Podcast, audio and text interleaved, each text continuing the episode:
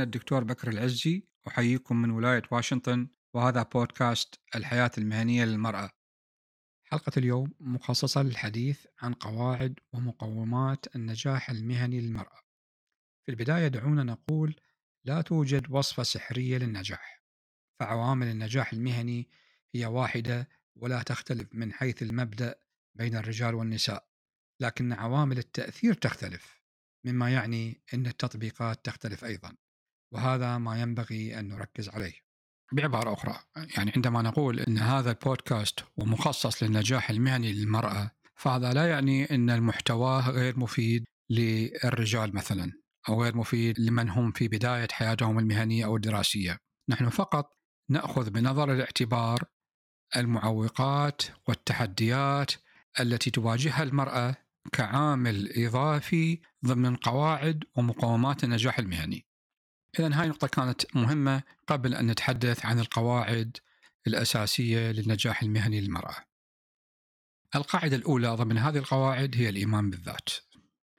المرأة سواء كانت طالبة في المدرسة الإعدادية أو الثانوية أو طالبة جامعية أو سواء كانت موظفة أو مديرة يجب أن تؤمن بذاتها. يجب أن تكون يجب أن يكون هناك إيمان بالذات.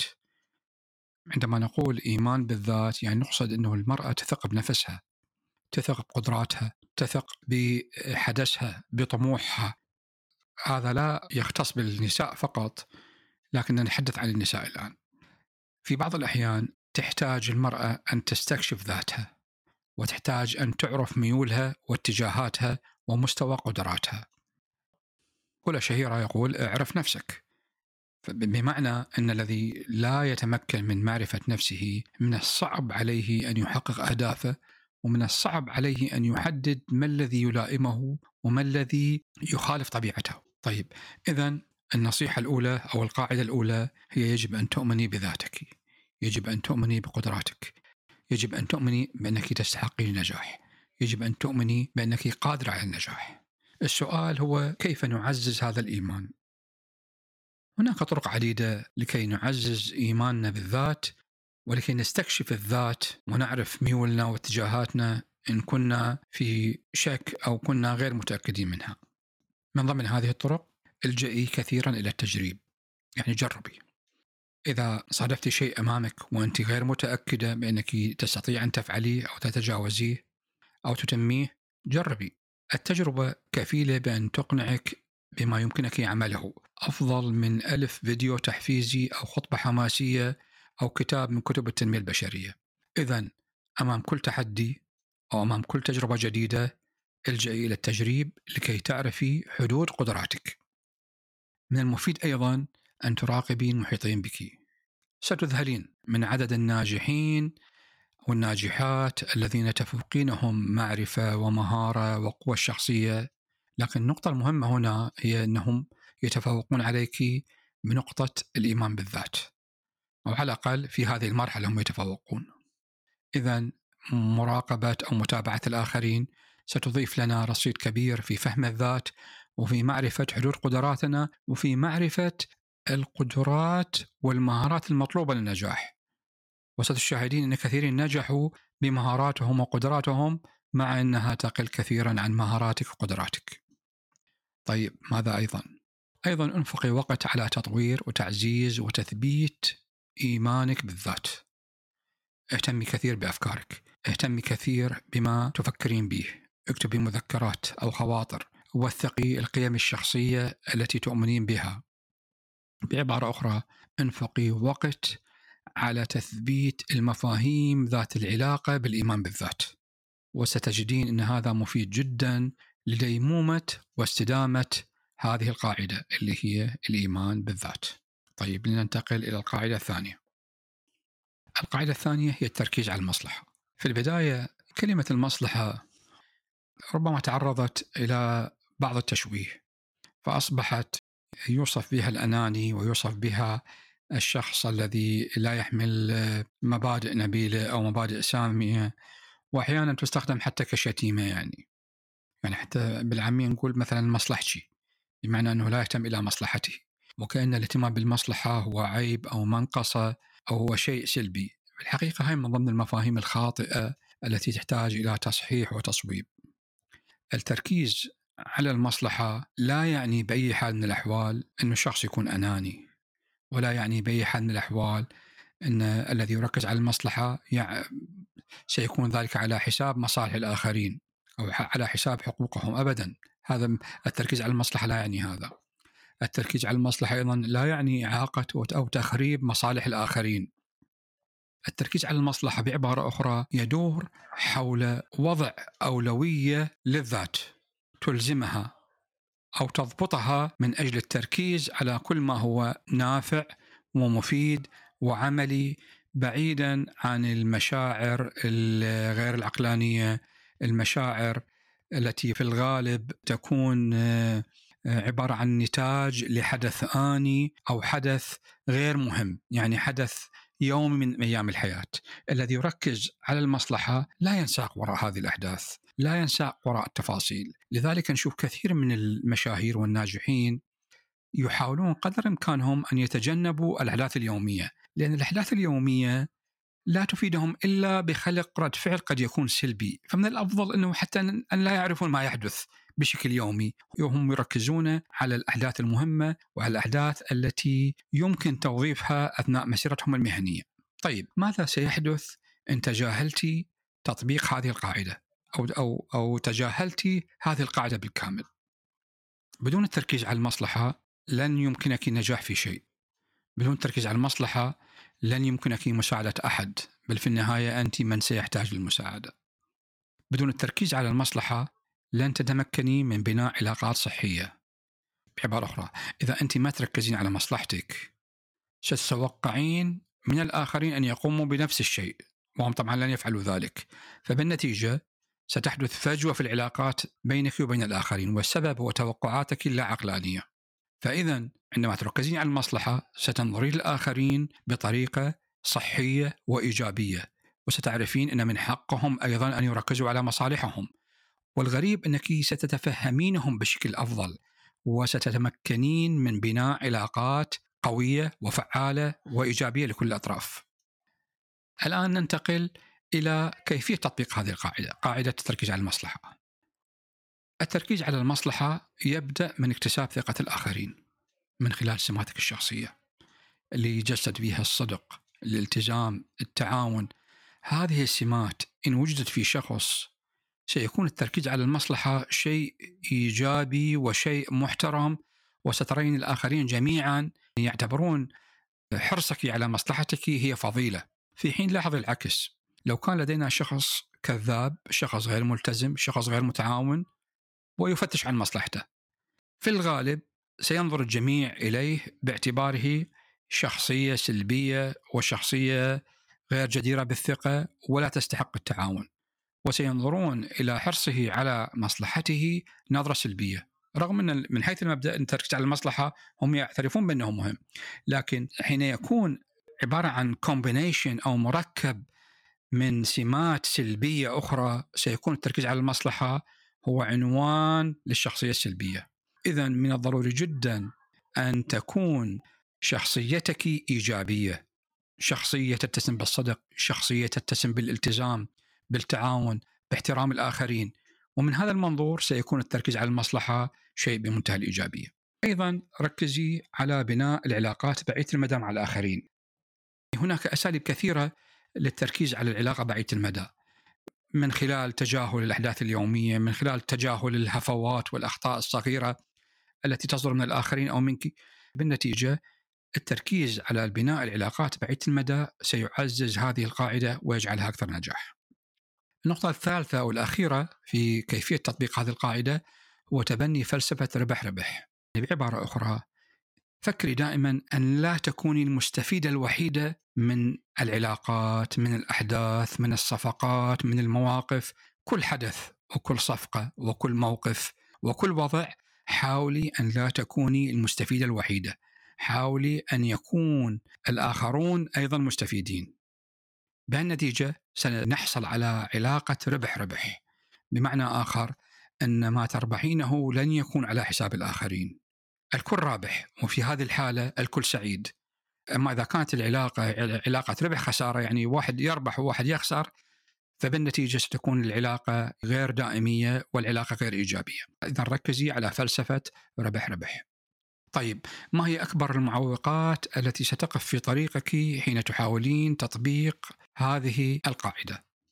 أكبر المعوقات التي تقف أمام تطبيق قاعدة التركيز على المصلحة هي عدم الصدق مع الآخرين. فيما تعتقدين إنه يمس مصلحتك وحقوقك، خاصة بسبب الخجل أو التردد أو الحرص على الظهور بمظهر المثالية، نرى كثير من الناس لا يكونون صادقين في إعلان ما يريدونه أو ما يفضلونه أو ما يعتقدون إنه من حقهم، فبالنتيجة عدم الصدق مع الآخرين بسبب الخجل أو التردد أو الحرص على صورة مثالية غير واقعية، كل هذا سيعيق تركيزك على المصلحة. أيضا الرضوخ لمشاعر الخجل والمجاملة على حساب المصلحة والحقوق سيضر كثيرا تطبيقك لهذه القاعدة. لهذا من الضروري جدا مقاومة هذه المشاعر ومحاولة تغييرها بل وتحديها. أعملي تحدي فيها بأن تتغلبي على مشاعر الخجل والمجاملة وتعلني بكل صراحة ما هو مناسب لك وما هو ضامن لمصلحتك وحقوقك بدون تردد وبدون خجل. وإن كان الخجل والتردد موجود فحاولي عدم الاستسلام له هذه نقطة مهمة جدا في تطبيق هذه القاعدة. أخيرا يجب أن نقول أن خلق الكثير من الأعداء أو الخصوم يضر بشدة بجهود تحقيق المصلحة أو الحفاظ عليها. احرصي دائما على أنه لا يكون لديك الكثير من الخصوم أو الكثير من الأعداء وطبعا يفضل أن لا يكون هناك خصم أو أعداء. لكن في بعض الأحيان يعني الإنسان ليس بحاجة إلى عمل شيء لكي يكون يكون لديه خصوم. فبالنتيجة نسلم بأنه شئنا ما بيننا سيكون هناك خصوم.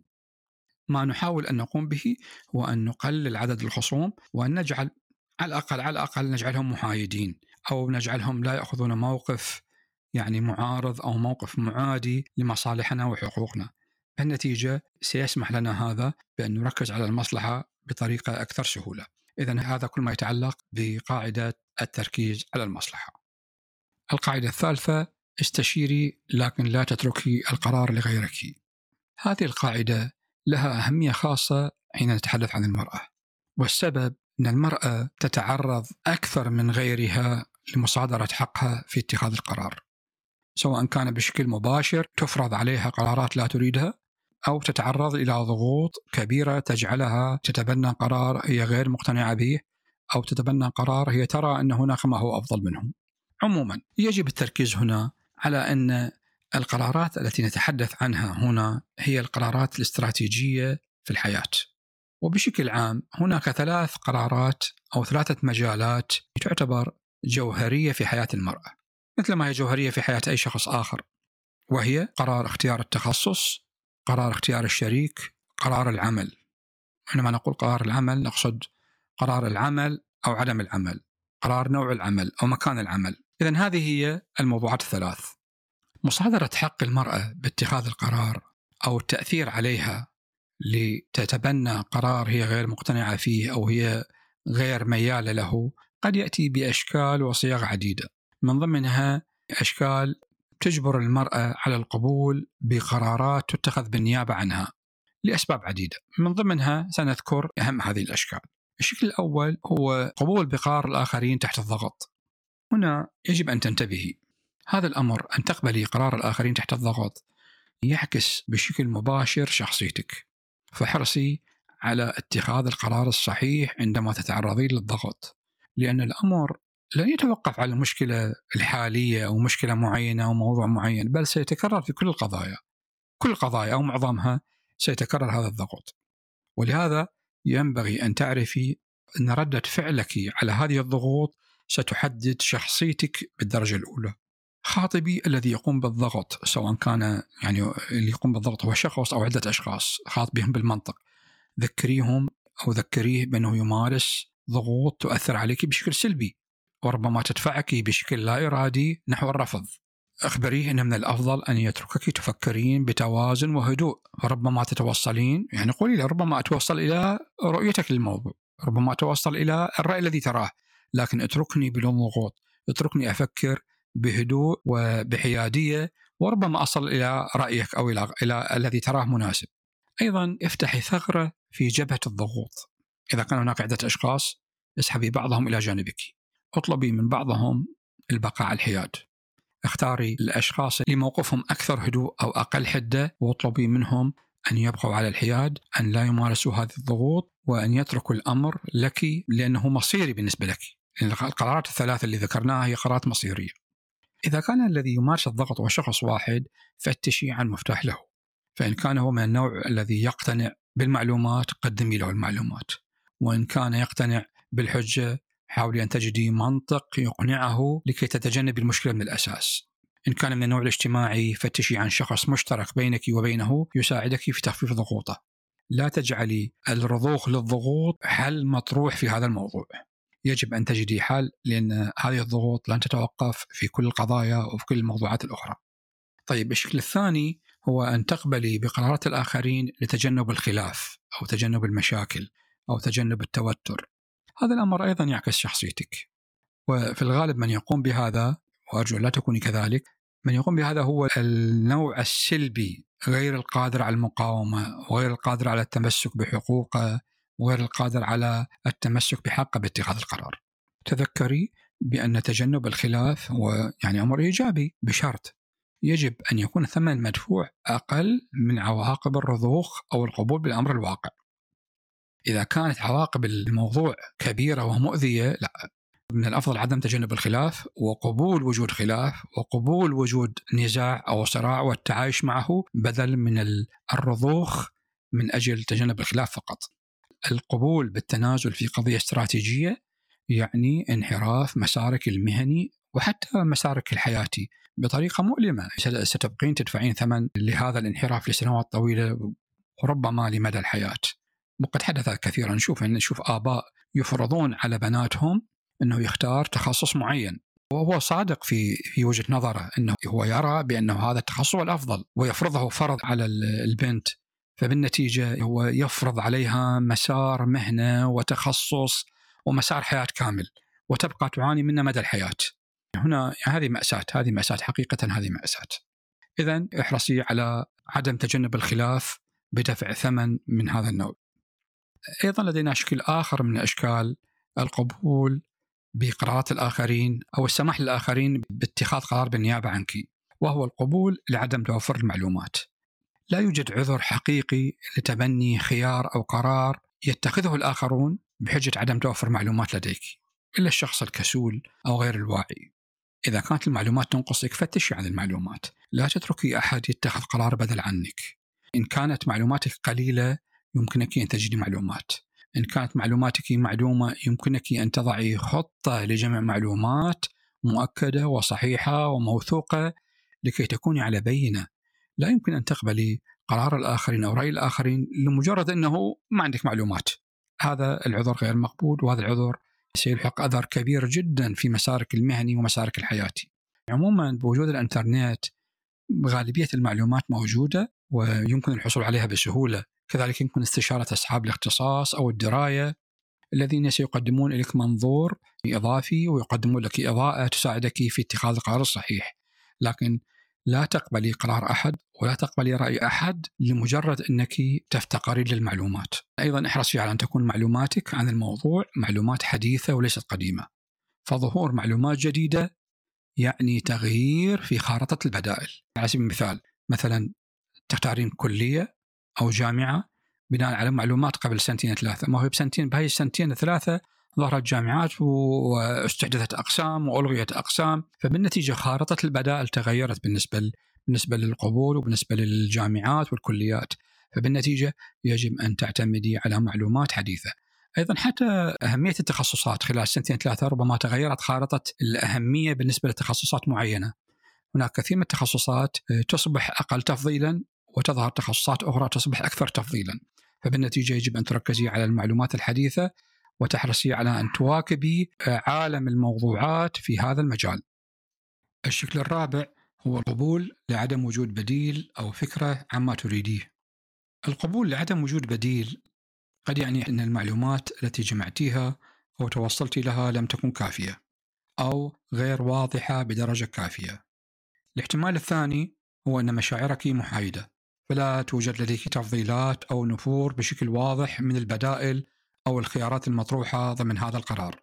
يعني مثلا لو كنا نتحدث إحنا عن قرار اختيار تخصص أو قرار اختيار شريك حياة أو قرار اختيار وظيفة أو مكان العمل حين تكون معلوماتك قليلة أو معدومة أو حين تكون مشاعرك محايدة في الغالب ستميلين إلى قبول آراء الآخرين.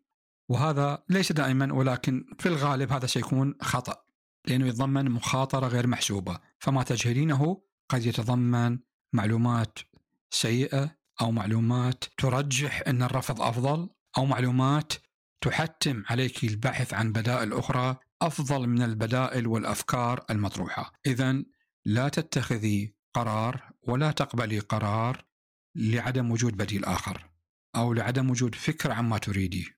من الأفضل في هذه الحالة عدم الاستعجال باتخاذ القرار أو اختيار بدائل تجريبية يمكن الرجوع عنها. في كثير من مسائل الحياة يمكننا أن نختار بدائل تجريبية ترى حتى في موضوع الزواج. ممكن تكون فترة التعارف حتى فترة ما قبل الخطوبة هي فترة تجريبية أو حين نشتري شيء ممكن نشتري شيء وهو قابل للإرجاع. يعني قصدي أنه في كثير من المسائل ليس في كلها لكن في كثير منها هناك بدائل تجريبية. فإن كان بالإمكان إن كان بالإمكان اللجوء إلى هذه البدائل التجريبية فهذا شيء ممتاز جدا.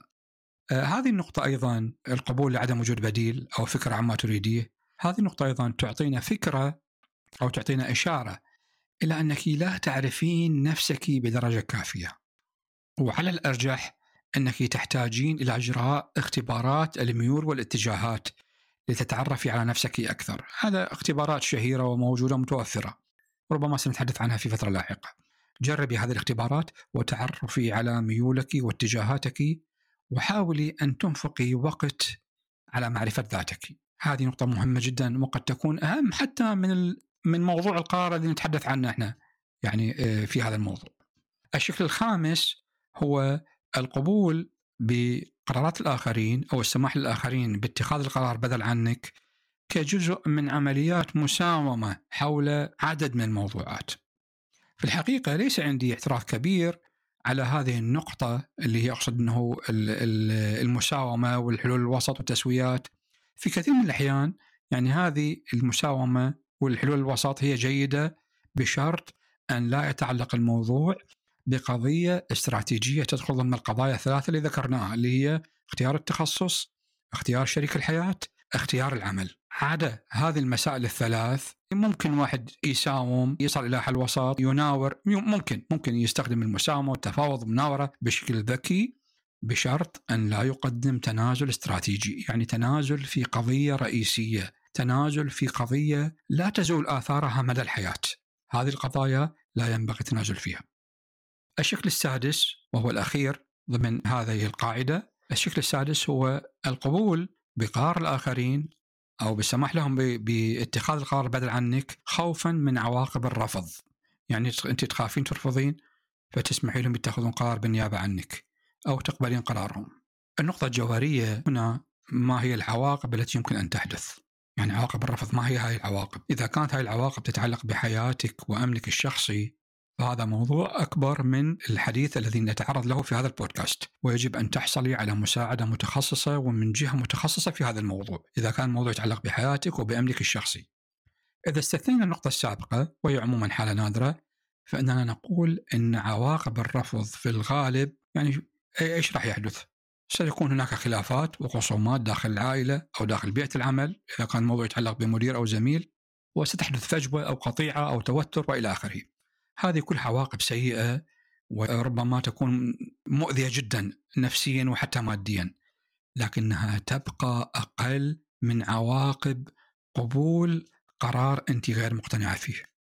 وهنا نعود ونتفحص معادلة العواقب. هل هي تفوق وتتجاوز الآثار السلبية للموضوع أم لا؟ إذا كان الجواب نعم إن العواقب عن الرفض ممكن تكون كبيرة جدا ومؤذية فينبغي أن تكوني برجماتية وتقدمي تنازل لأننا لا نريد تحقيق الأهداف بأي ثمن بل نريدها بثمن معقول.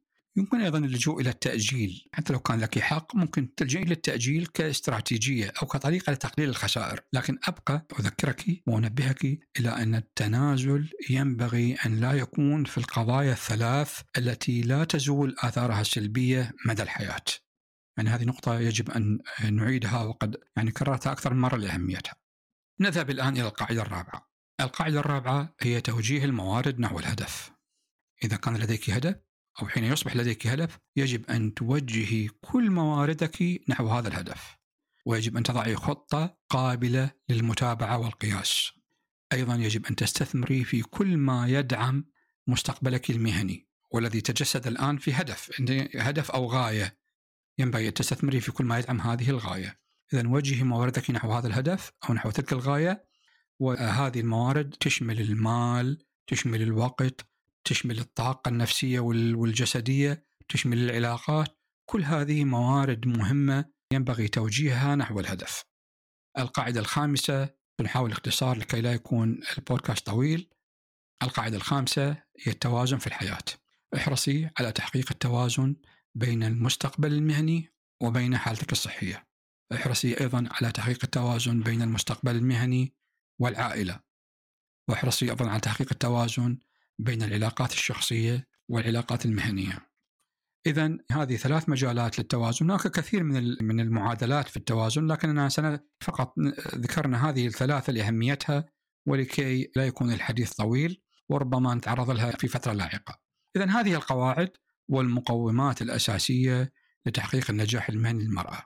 كما لاحظنا يعني بشكل عام هي لا تختلف عن قواعد ومقومات النجاح للجميع، لكن هناك خصوصية لكل من هذه القواعد حين يكون الحديث عن المسار المهني للمرأة فبلا شك المرأة تواجه ضغوط إضافية وأمامها عقبات وتحديات أكثر ليس من حيث الكم فقط بل من حيث النوع أيضا فلذلك يعني يأتي هذا الموضوع كي نحدد بشكل واضح هذه القواعد التي تضمن النجاح المهني للمرأة. دعونا نراجع القواعد قبل الختام. القاعدة هي الإيمان بالذات. القاعدة الثانية هي التركيز على المصلحة. القاعدة الثالثة استشيري لكن لا تتركي القرار لغيرك. القاعدة الرابعة توجيه الموارد نحو الهدف. والقاعدة الخامسة التوازن في الحياة. يجب أن أضيف بأن القواعد اللي ذكرناها في هذه الحلقة تستحق وقت أكثر. وتستحق وكل منها بالحقيقة يستحق يكون حلقة كاملة. ولعلنا نقوم بذلك في فترة لاحقة. في الختام إن وجدتم أن محتوى هذا البودكاست يهمكم فأرجو الاشتراك فيه لتصلكم الحلقات الجديدة. يمكنكم أيضا مراسلتي على إيميل المهني المرفق بالبودكاست لتقديم الاقتراحات أو الأسئلة. شكرا للمتابعة وسيكون لنا لقاء متجدد في الحلقة القادمة من بودكاست الحياة المهنية للمرأة.